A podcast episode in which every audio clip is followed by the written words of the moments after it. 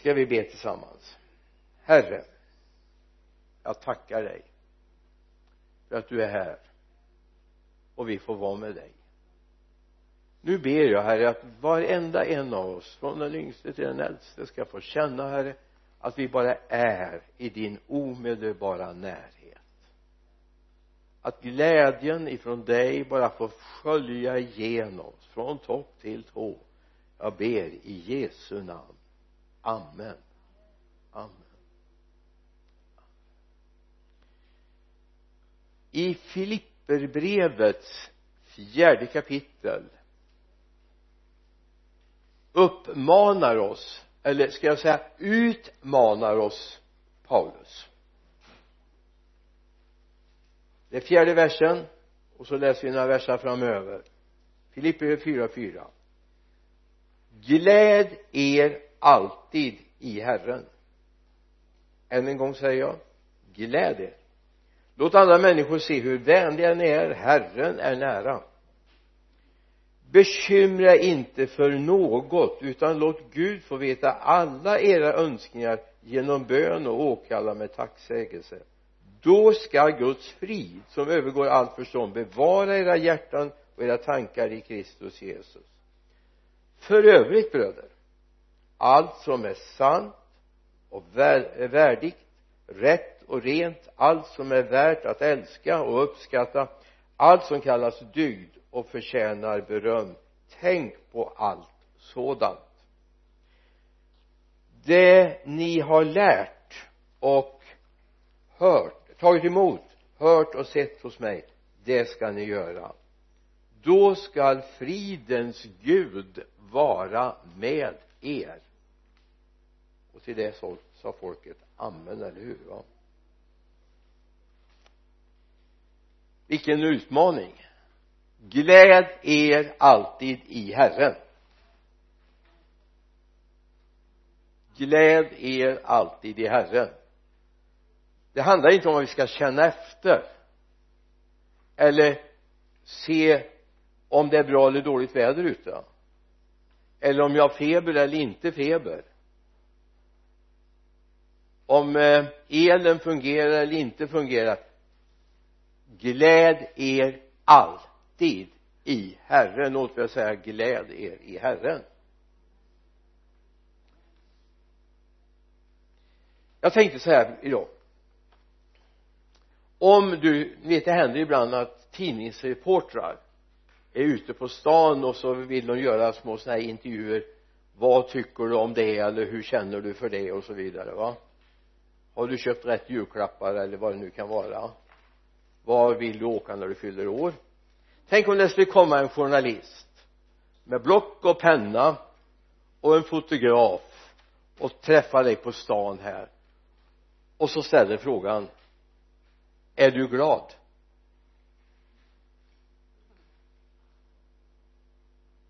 Och det det kan man ju svara på, eller hur va? Ja eller nej? Och skulle du svara ja så frågar de kommer du vara det hela dagen?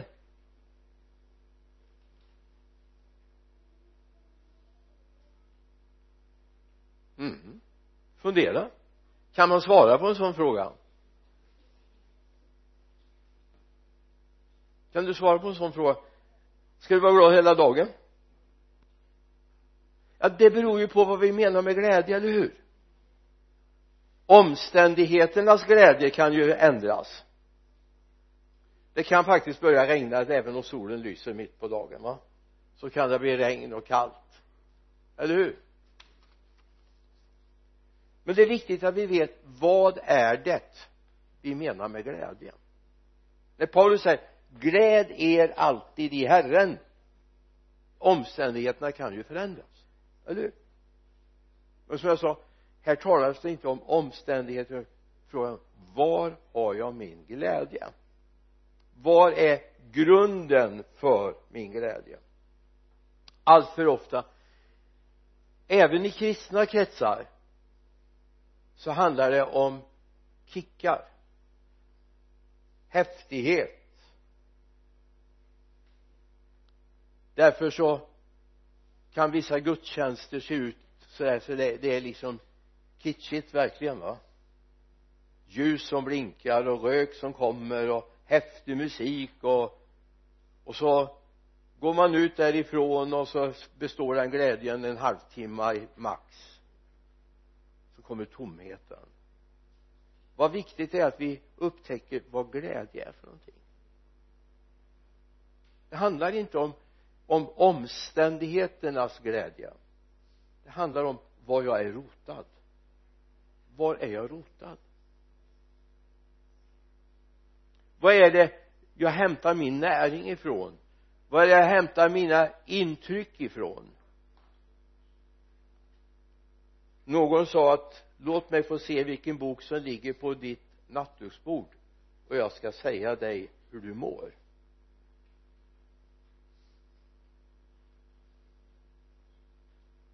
No comments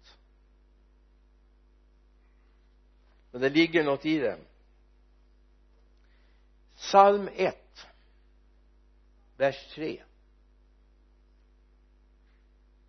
så står det om något. Vi kommer att läsa mer ur den psalmen om en liten stund. Men vi tar bara vers 3 nu. Han är som ett träd planterat i vattenbäckar. Han bär sin frukt i rätt tid och hans löv, vis, eh, löv inte vissnar och allt han gör det lyckas väl. Han är som ett träd planterat vid vattenbäckar som bär sin frukt i rätt tid och vars löv inte vissnar. Jag brukar säga det i samband med vigslar. Jag tror jag gjorde det här den 9 december också. Eh, till Javad och Nafas att slutar man att tala om för varandra att man älskar varandra? Slutar man att bekymra sig? Men det är ju inte så här att det är känslostyrt utan det är ett beslut. Alltså kärlek är ett beslut. Det är inte en känsla första känslan kommer sen. Men det är ett beslut.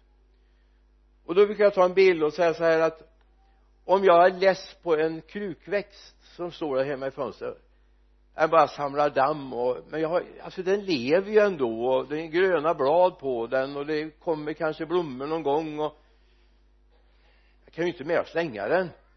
Ja det kanske yngre kan men men då vet jag, har jag ett bra råd och du ska få en anledning att slänga en krukväxt? Det rådet har en del tagit till sig utan att veta om att det var ett bra råd. Sluta vattna den. När det är bara en torra pinnar där då och du inte har någonstans att ställa undan den som du kan göra med en pelargon till exempel. Torrt mörkt och inte för varmt. Kan du vinterförvara den. Och så tar du fram den rätt tid när ljuset börjar komma igen så kan den grönska men annars så när det är bara torra pinnar och känner ja men det här kan ju inte stå kvar i fönstret den skämmer ju. Så kan jag slänga den. Så är det också med glädjen i Gud. Den är relaterad till vad du gör med din relation med Gud. Den är relaterad till det. Och då är frågan vill jag ha en djup glädje? Eller nöjer jag mig med en ytlig glädje? Allt för många nöjer sig med ytlig glädje. Det som tilltalar för stunden det som är häftigt. Men visst vill vi ha en glädje som också finns där inne när allt blåser motvind. Eller hur? När det inte känns så där jättebra att gå till jobbet eller jag har skoskav och tandvärk och känner egentligen att helst vill jag bara gömma huvudet under kudden. Eller livet har varit tufft och hårt. Vill jag ha en glädje då också? Vill jag ha en trygghet då också? Du kan få det. Du kan få det. Som inte är relationsstyrt då menar jag inte det här flabbiga flamsiga skrattandet utan jag menar det här att det finns någonting av en tillfredsställelse här inne. Gud är med mig. Okej det blåser motvind men Gud är med mig. Och jag tror det är viktigt att vi upptäcker det att Gud vill vara med mig i alla lägen. Jesus säger någonting i när han står där i templet i Johannes 7, 37, 38, 39 mitt i den där vanliga traditionella judiska högtiden står Jesus där erbjuder någonting helt nytt. Någonting som inte bara är att man känner nu har jag gjort en rättfärdig gärning. Och nu får jag försöka hålla mig till nästa högtid här i templet för att göra en rättfärdig gärning och så känna mig nöjd alla såg att jag gjorde det jag var här. Han har någonting som är en överkurs. Och det är det han säger. På den sista dagen den eh, på den sista dagen den största högtiden stod Jesus och ropade om någon är törstig kom till mig och drick. Den som tror på mig som skriften säger ur hans innersta ska strömmar av levande vatten flyta fram. Detta sa han om anden som de ännu inte hade fått va? Som de skulle få de som trodde på honom anden har nämligen ännu inte blivit utgjuten. En källsprång här inne. Och jag har tänkt på när jag både läser biografier från vår tid och jag läser ska vi säga berättelser om människor ifrån bibelns blad så förstår jag de har någonting mer. Läs Paulus alltså han var en utgivande evangelist, eller hur? Han var en missionär. Men det var ju inte så enkelt alltid. Både hans eget folk hotade honom till livet. Och motståndarna hotade honom till livet. Vid ett tillfälle fick de till och med hissa ut honom via muren för att han skulle komma undan. Och det i i Damaskus, Damaskus. Det var det ja det var det. Det var väl inte så enkelt. Ändå skriver han så mycket om glädje och vikten av att leva i glädje. Det, var, det, det är ingen ytlig glädje vi talar om det är ingen sån där uppjagad känsla vi talar om utan tar talar om någonting av en trygghet. Jag vet på vem jag tror. Jag vet vart jag är på väg. Och jag vet oavsett vad som händer så har jag någon som är med och bär mig. Jag går inte ensam. Ett litet eget vittnesbörd. Den dagen jag beslutar mig verkligen för att bli en Jesu lärjunge. Men jag har haft en väldigt bra resa egentligen. Jag är uppvuxen i kristet hem. Jag har varit uppvuxen med framförallt en mamma som bad intensivt för sina barn eller sina två pojkar. Ändå var jag tvungen att ta ett beslut att följa Jesus.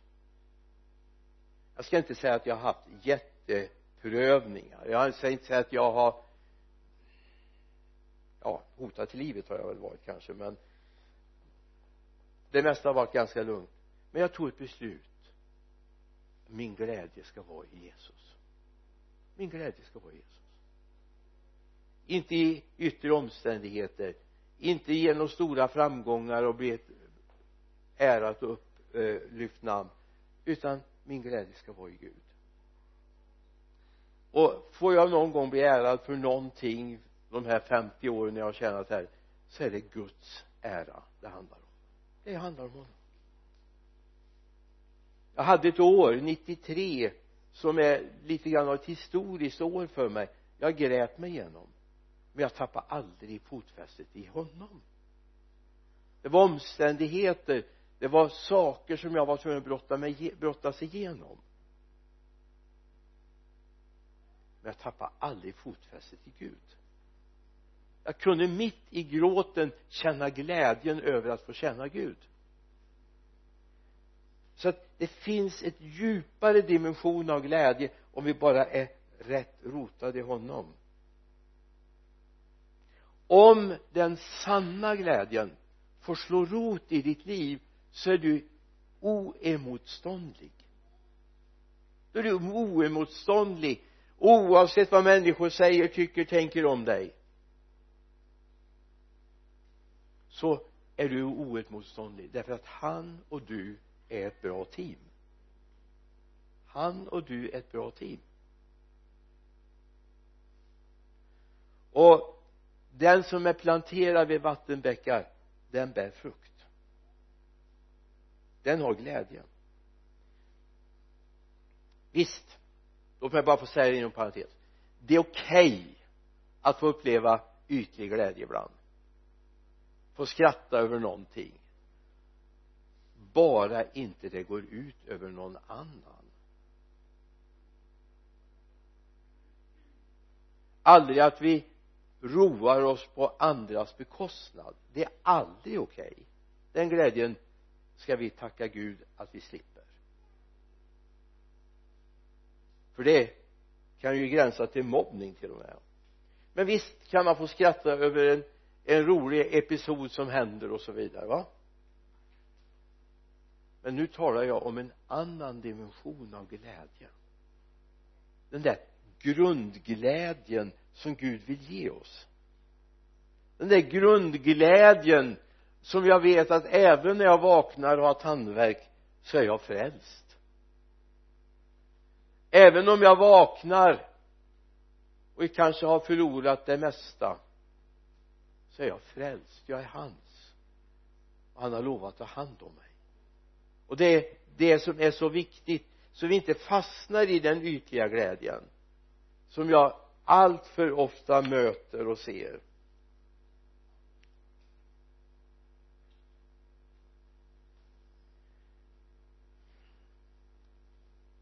Jag skulle bara vilja använda ett uttryck som Jesus har du vet han berättar om fyra olika sädesåkrar. Du har det bland annat i Markus det fjärde kapitlet. Han berättar om de som har sått vid vägen stengrunden bland tistel och törnen och i den goda jorden.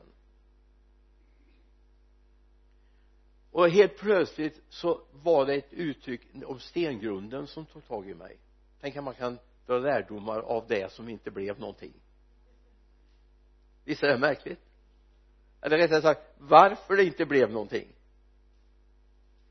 Så om du följer med mig till Markus 4 vers 16 och 17 ska vi se. Markus 16 4, 16, 17 och så här och det här är förklaringen vi kommer in i nu då först har Jesus berättat själva bilden och så kommer vi till förklaringen. Det som sås på stenig mark är det som genast tar emot ordet med glädje när de hör det. Men de har ingen rot inom sig utan tror bara för en tid. När de sedan möter lidande eller förföljelse för ordets skull så kommer de genast på fall. Vad är nyckeln i det här ordet? I det här sammanhanget vad är nyckelordet? Ja vi har ju ingen bibelundervisning nu men det kan vara bra att titta på det här. Alltså därför är det bra att ha bibeln med sig. Det är jättebra. Jag vill uppmuntra till det. Så ska vi se. Vad är nyckelordet? Är det stengrunden är det utsädet? Är det skörden? Vad är nyckelordet? Nyckelordet är roten de har ingen rot. Därför blir det ingen skörd. Sen kan vi tänka så här att med tanke på den grund eller den förutsättningen så var det väldigt svårt. Men skillnaden mellan både skörden som faller på vägen stengrunden och baptister och törnen det är att inte roten får utrymme. Och det är samma problem i ditt och mitt liv om inte ditt och mitt andliga liv får ut ro, andliga livs rot får utrymme att vi inte vårdar den så är det också med en krukväxt. Om inte det, rötterna får möjlighet så blir den förkrympt om det blir mer rötter i krukan än jord då går det inte bra nu vet jag att vill man begränsa en, en krukväxt man vill inte att den ska växa upp och ta hela fönstret va? Då tycker jag bara man ska välja en annan typ av blomma som klarar och inte växer så va? Det är ju nästan plåga blommorna. Nej jag har inga känslor för dem på det sättet. Men eh, att inte ge dem större utrymme så de får möjlighet att växa och få visa hur underbart fina de är egentligen va? Vi skaffade till eh, en kyrka där vi var min, eller vår första pastorsplats i Asby. Så var det jämte estraden stora tomma utrymmen. Och vi funderade på men det går inte, ingen kunde sitta där för det var barriärer så att de kunde inte sitta där. Och man hade ingen användning till det eller någonting så vi skaffade lite krukväxter och gjorde lite gröna områden vi skaffade monstra vet ni vad det är?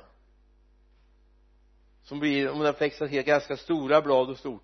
Och när vi var där 96 så fanns några av de där monstra kvar.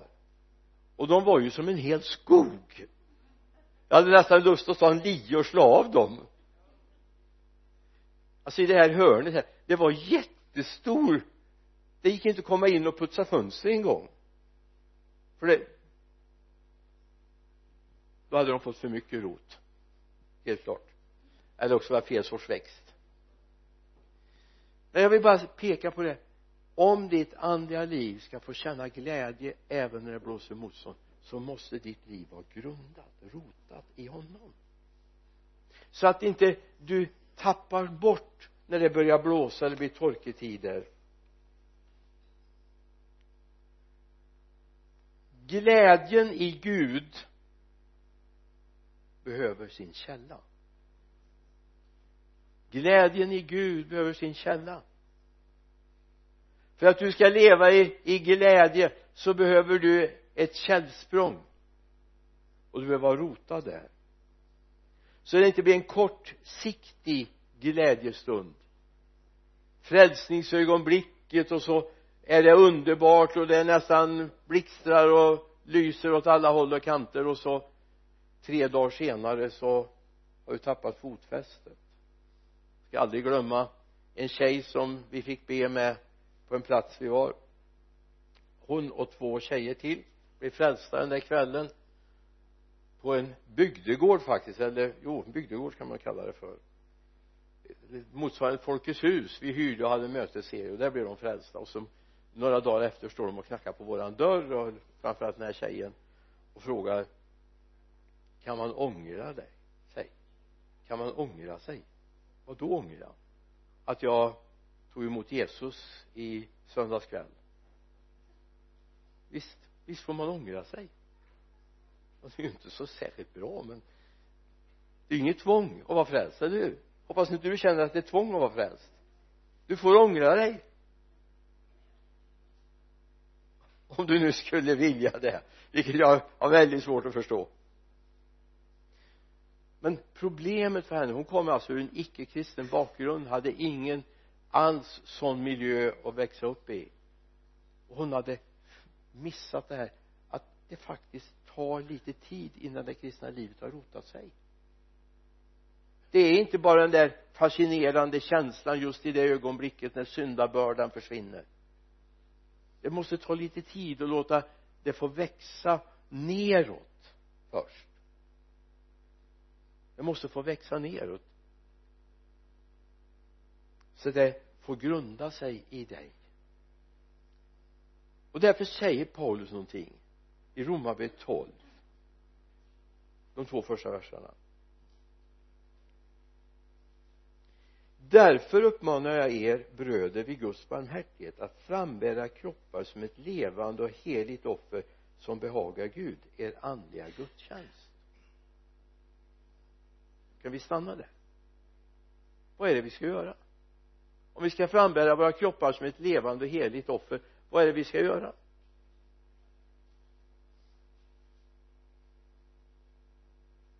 Vad är det som är vår andliga gudstjänst? Det är att säga till Gud jag offrar alla mina egna önskningar. Alla mina behov som finns det lägger jag till dig Gud. Det får du ta hand om. Alla de där drömmarna jag hade som ofrälst de måste jag lägga på altaret. Varför då? För att jag ska kunna växa. Egentligen är det här lika naturligt som att eh, om man har sått någonting ute i, i landet så måste man faktiskt rensa bort ogräset även om ogräset fanns i jorden innan jag planterade. Eller hur? Det finns ingen ogräsfri jord. Har du sett sån? Vi eh, ångbekämpade jorden som vi sålde till krukväxterna. Ehm, både på gott och ont egentligen. Fick blanda in lite annat för att annars var det steril jorden och det var inte så särskilt bra för växterna. Alltså ditt liv lyssna. Innan du blev en kristen var fullt av ogräs. Fullt av ogräs. Eftersom inte det finns någonting om lagen om eh, absolut tomhet utan endera är det fullt av Guds längtan och Guds välbehag eller också är det fyllt av den andra. Det är inte underligt att man säger att att bli frälst är som att dö för att uppstå till nytt liv va? Den gamla Adam måste dö för att den nya ska kunna blomma. Det är inte för att det ska vara steril jord eller en steril människa utan därför att den nya ska få en chans. Och så kommer vi till vers 2 och anpassa er inte efter den här världen utan låt er förvandlas genom förnyelsen av ett sinne så att ni kan pröva vad som är Guds vilja det som är gott och fullkomligt och behagar honom. Alltså först lägger vi mitt gamla liv på altaret offrar det. Säger Gud inget av det jag hade med mig är värt att odla och jag vill odla ditt nya liv i mitt liv. Få tag i det rätta källsprånget för mitt liv. Då ber jag om sinnets förnyelse så att jag kan förstå vad som är Guds vilja. Lägg märke till att din gamla natur kommer aldrig kunna förstå Guds vilja. Det är omöjligt så om du vill leva i ditt gamla liv och tänka som du tänkte innan du blev kristen så, så kommer aldrig det nya livet att få slå rot. Då kommer det bli som stengrunden eller vägens. Du sår och sår och sår och sår. Men det blir inget resultat. Skillnaden mellan vägen stengrunden och tidigare tistel och törnen och den goda jorden är att den goda jorden är befriad från allt det där som är förstört. Eller vill förstöra. Och vi ska vara sådana där den goda jorden får chans att växa till. Så ha med det. Jeremia det andra kapitlet verserna 12, 13 så får Jeremia, Jeremia var ju en profet och Jeremia talade ju Guds vägnar till folket.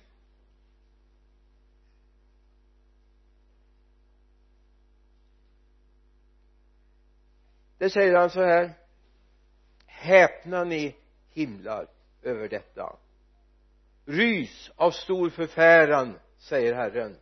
För mitt folk har begått en dubbel synd de har övergett mig källan med det levande vattnet och gjort sig us usla brunnar som inte håller vatten. Jag ska inte göra någon lång utläggning av det här men jag ser de tendenserna. Att om vi inte riktigt är nöjda med Gud och det inte går tillräckligt fort och det inte här så har vi väldigt lätt att ta andra brunnar och ösa ur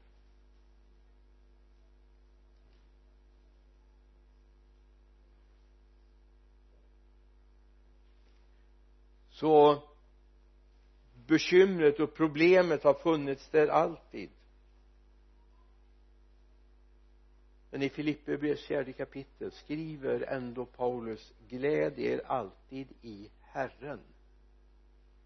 Lägg märke till vad vi ska glädja oss i. Glädja oss i Herren. Än en gång säger jag gläd er. Alltså glädjen ska vara i Herren glädjen ska vara i vår frälsningsklippa i vår den, den eh, eh, brunn som är han. För att jag ska växa och mogna.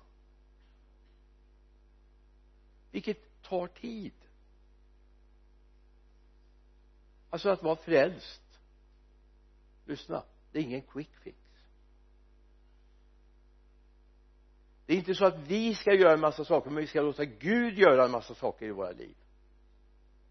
Liksom när Gud går över våra liv så kan det göra ont. När han pekar på våra gamla liv och säger det bör du lägga av för annars kan inte det nya växa fram.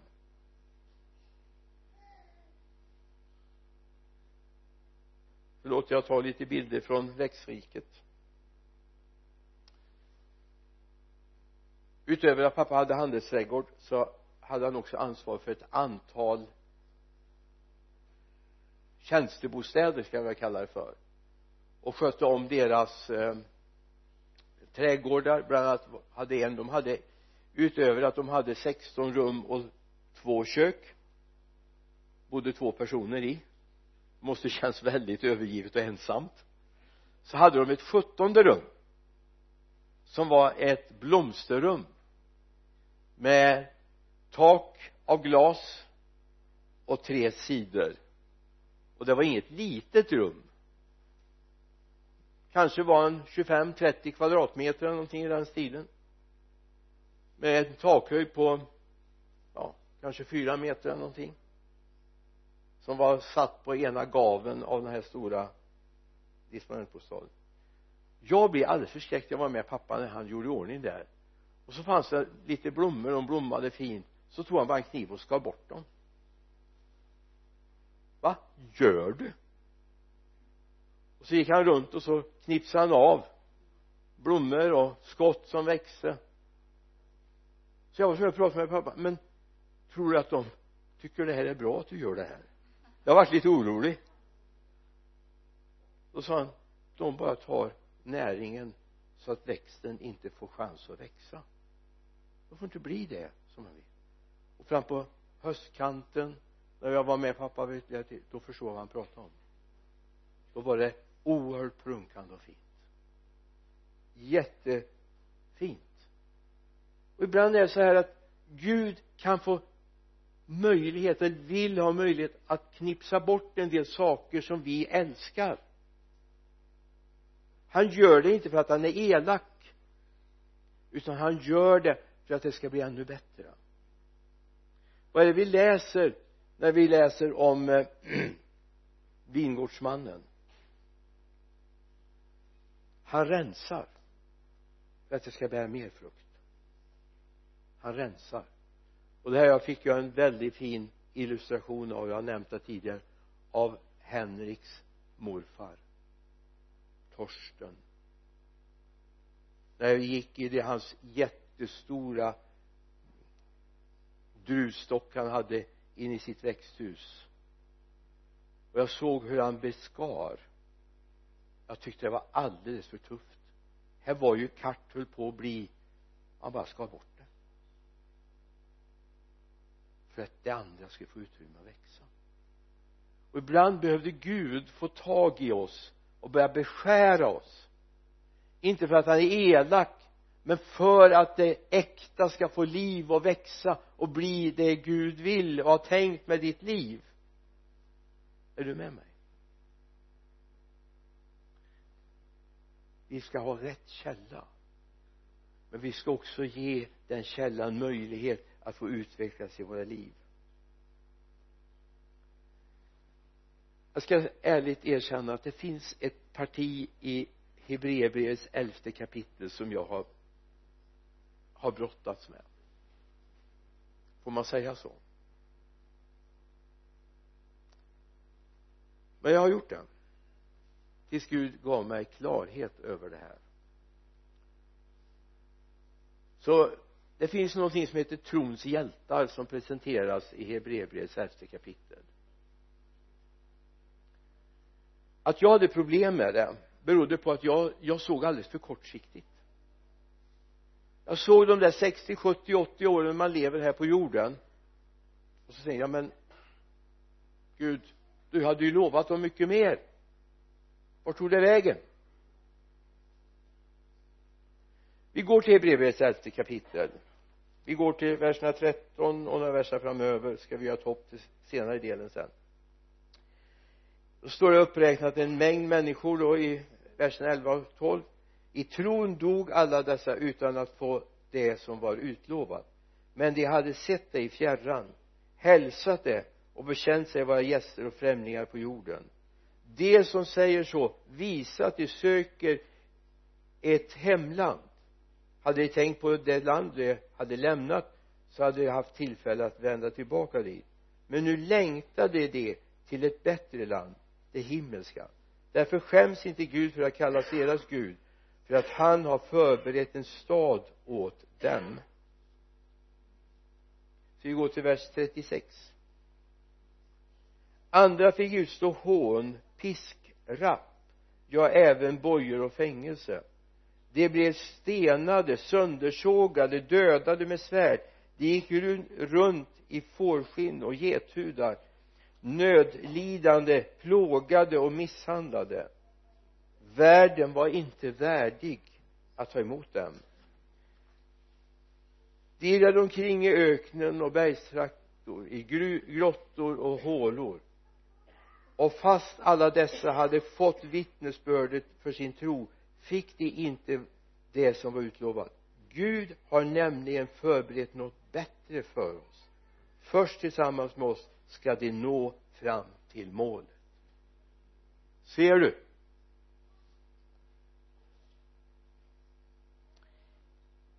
Om du ska få se vad äkta glädje är så gör inte ditt perspektiv för kort. Det handlar mer än om idag och imorgon och några dagar till. Det handlar om någonting mer. Det handlar också om det himmelska. Glädjens källa har med det himmelska att göra med framtiden att göra för våra liv. Och det är viktigt att vi får tag i det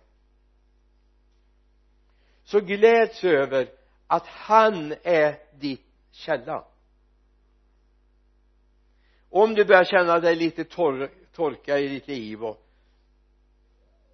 tungotalet har börjat tystna och profetian har lagt sig ner och bönestunderna blir torrare och torrare och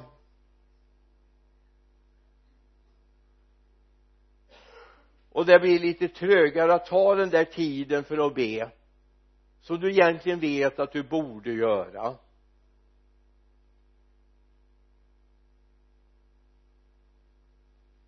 Kom ihåg din källa är inte där.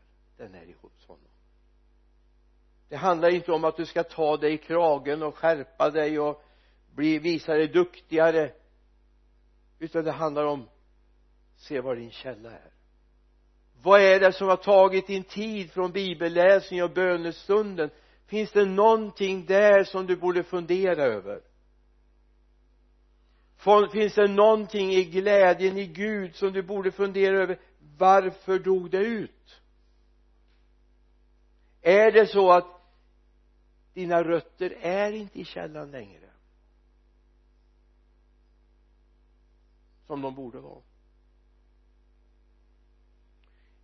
Jag skulle vilja ta dig med tillbaka till första salmen.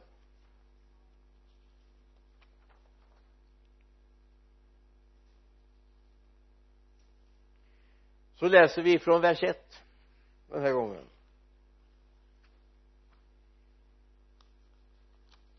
Salig är den som inte följer de gudlösas råd som inte går in på syndares väg och sitter bland föraktare.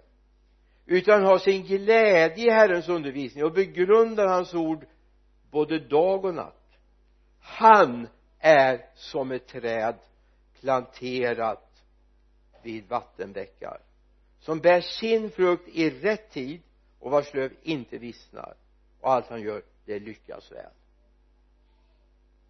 Det finns två viktiga versar före den tredje versen. Som inte lyder de ogudaktigas råd och som inte går på syndares väg utan vandrar med Herren. Det är tid nu att vi börjar ha vår glädje i Gud. Alltid. Frågan är var är ditt rotsystem? Är du förankrad i den här världen? Eller är du förankrad i honom?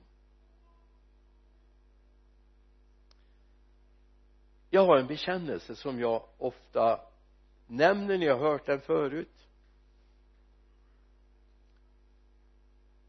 Jag är inte först och främst svensk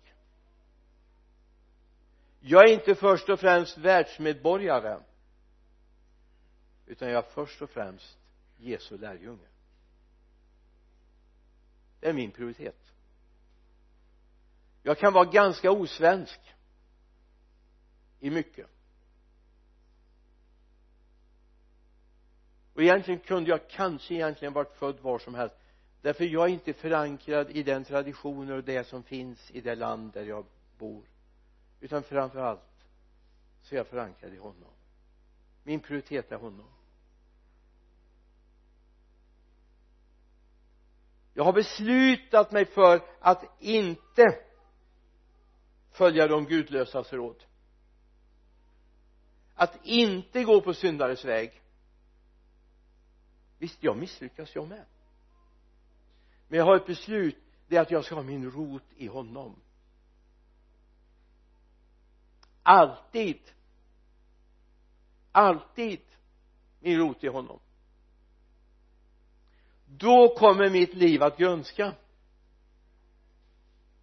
Och då menar jag inte kroppen i första hand för den känner jag att den grönskar inte. Men det som finns här inne i mitt hjärta där finns en glädje. En oerhörd glädje. Så frågan är var har du ditt rotsystem? Och låt mig få vara väldigt rak. För jag sa så här vi bör fundera på vad är det som har gjort att vi inte kanske har den tiden med bibelläsningen som vi hade och som vi drömde om. Visst det kan finnas naturliga saker. Omsorg om familj och så vidare som också är en gudstjänst naturligtvis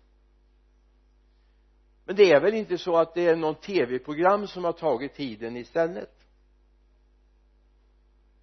Eller det som eh, den här världen bjuder på? Det är väl inte så att det är tidningsnyheterna och skvallerpressen som är viktigare än Guds ord? Ja det blir inget bra rotsystem det märks så småningom. Jag menar om, om man slutar att vattna blommorna idag så är det inte säkert de vissnar imorgon. De kan ju överleva några dygn men det kommer märkas. När du har slutat vattna ditt liv så kommer det bli gnällighet istället. Det kommer bli så mycket pust och stön. Och så mycket som jag måste. Som du egentligen inte måste så ditt rotsystem ska vara i honom, i hans ord. Där ska du vara med ditt liv. Vara i Kristus. Det står inte att vi ska glädja oss hur som helst utan vi ska glädja oss i Herren. Han är vår klippa, han är vårt källsprång. Det är han som säger där i, i templet den som tror på mig ur hans innersta ska strömmar av levande vatten flyta fram. Det här är en möjlighet. Det är ett erbjudande. Det är ett erbjudande. Och egentligen del två i den här predikan den skulle handla om vikten av att göra det här för församlingens skull men den får vi ta någon annan gång. Du är inte oväsentlig för församlingen. Jag ska bara skicka med dig en tanke. Förlåt då hämtar jag bilden ifrån idrottsvärlden. Jag hade ju några år då jag faktiskt spelade handboll. Det är ofattbart att tro det idag att jag klarade det. Men i 16-årsåldern gick det jättebra var ganska lovande om jag får bedöma det själv. Och så kom det här med glasögon när jag var målvakt och stå i mål i handboll med glasögon. Det var ingen hit ska jag säga dig. Så det fick jag inte göra och på den tiden var ju glas verkligen glas. Så försökte jag som utespelare men det var heller inte så lyckat. Men någonting jag tog med mig från den tiden det var att varje spelare till och med de som satt på bänken. De som kanske aldrig byttes in varken i anfall eller försvar var jätteviktiga. Vi uppmuntrar varandra. Vi bytte av varandra. Det är bara målvakterna som inte får byta hur som helst. Men utespelare så har man en uppsättning bakåt och en framåt i modern handboll alltså, om ni någon gång skulle råka se något sånt ska ni se att när man har varit framme och försökt göra mål så springer man snabbt till bänken och byter spelare. För i försvar behöver man helt andra pjäser så att säga. Kom ihåg du är viktig. Alla behövde träna.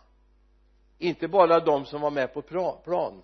Alla behövde träna för helhetens skull, för lagets skull idag är det helt ofattbart att Skövde som är en av de stora eh, lagen i, i vår elitserie i handboll de har vi spöat.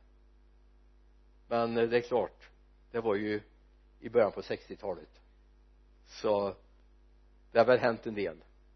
Det lag jag spelade för då vet jag inte om de överhuvudtaget existerar längre. Men jag vill bara säga det du är viktig du är viktig. Och att du tar tid med att gräva djupt att dricka ur källan att vara rotad i honom är viktigt också för dina syskons skull. Amen. Herre jag ber bara att det här ska få landa i våra hjärtan fader. Jag ber herre att vi ska se. Herre vi vill se att vi får tag i källsprånget herre att det här är inte en prestation utan det handlar bara om en överlåtelse till dig. Så inte det här som egentligen vi skulle lägga som ett offer tar tiden för oss. Jag ber dig i Jesu namn och så låt oss få smak på hur ljuvligt det är att få gå med dig Jesus. Hur ljuvligt det är att få växa i tron och i heliga gärningar. Jag ber om det i Jesu namn. Amen.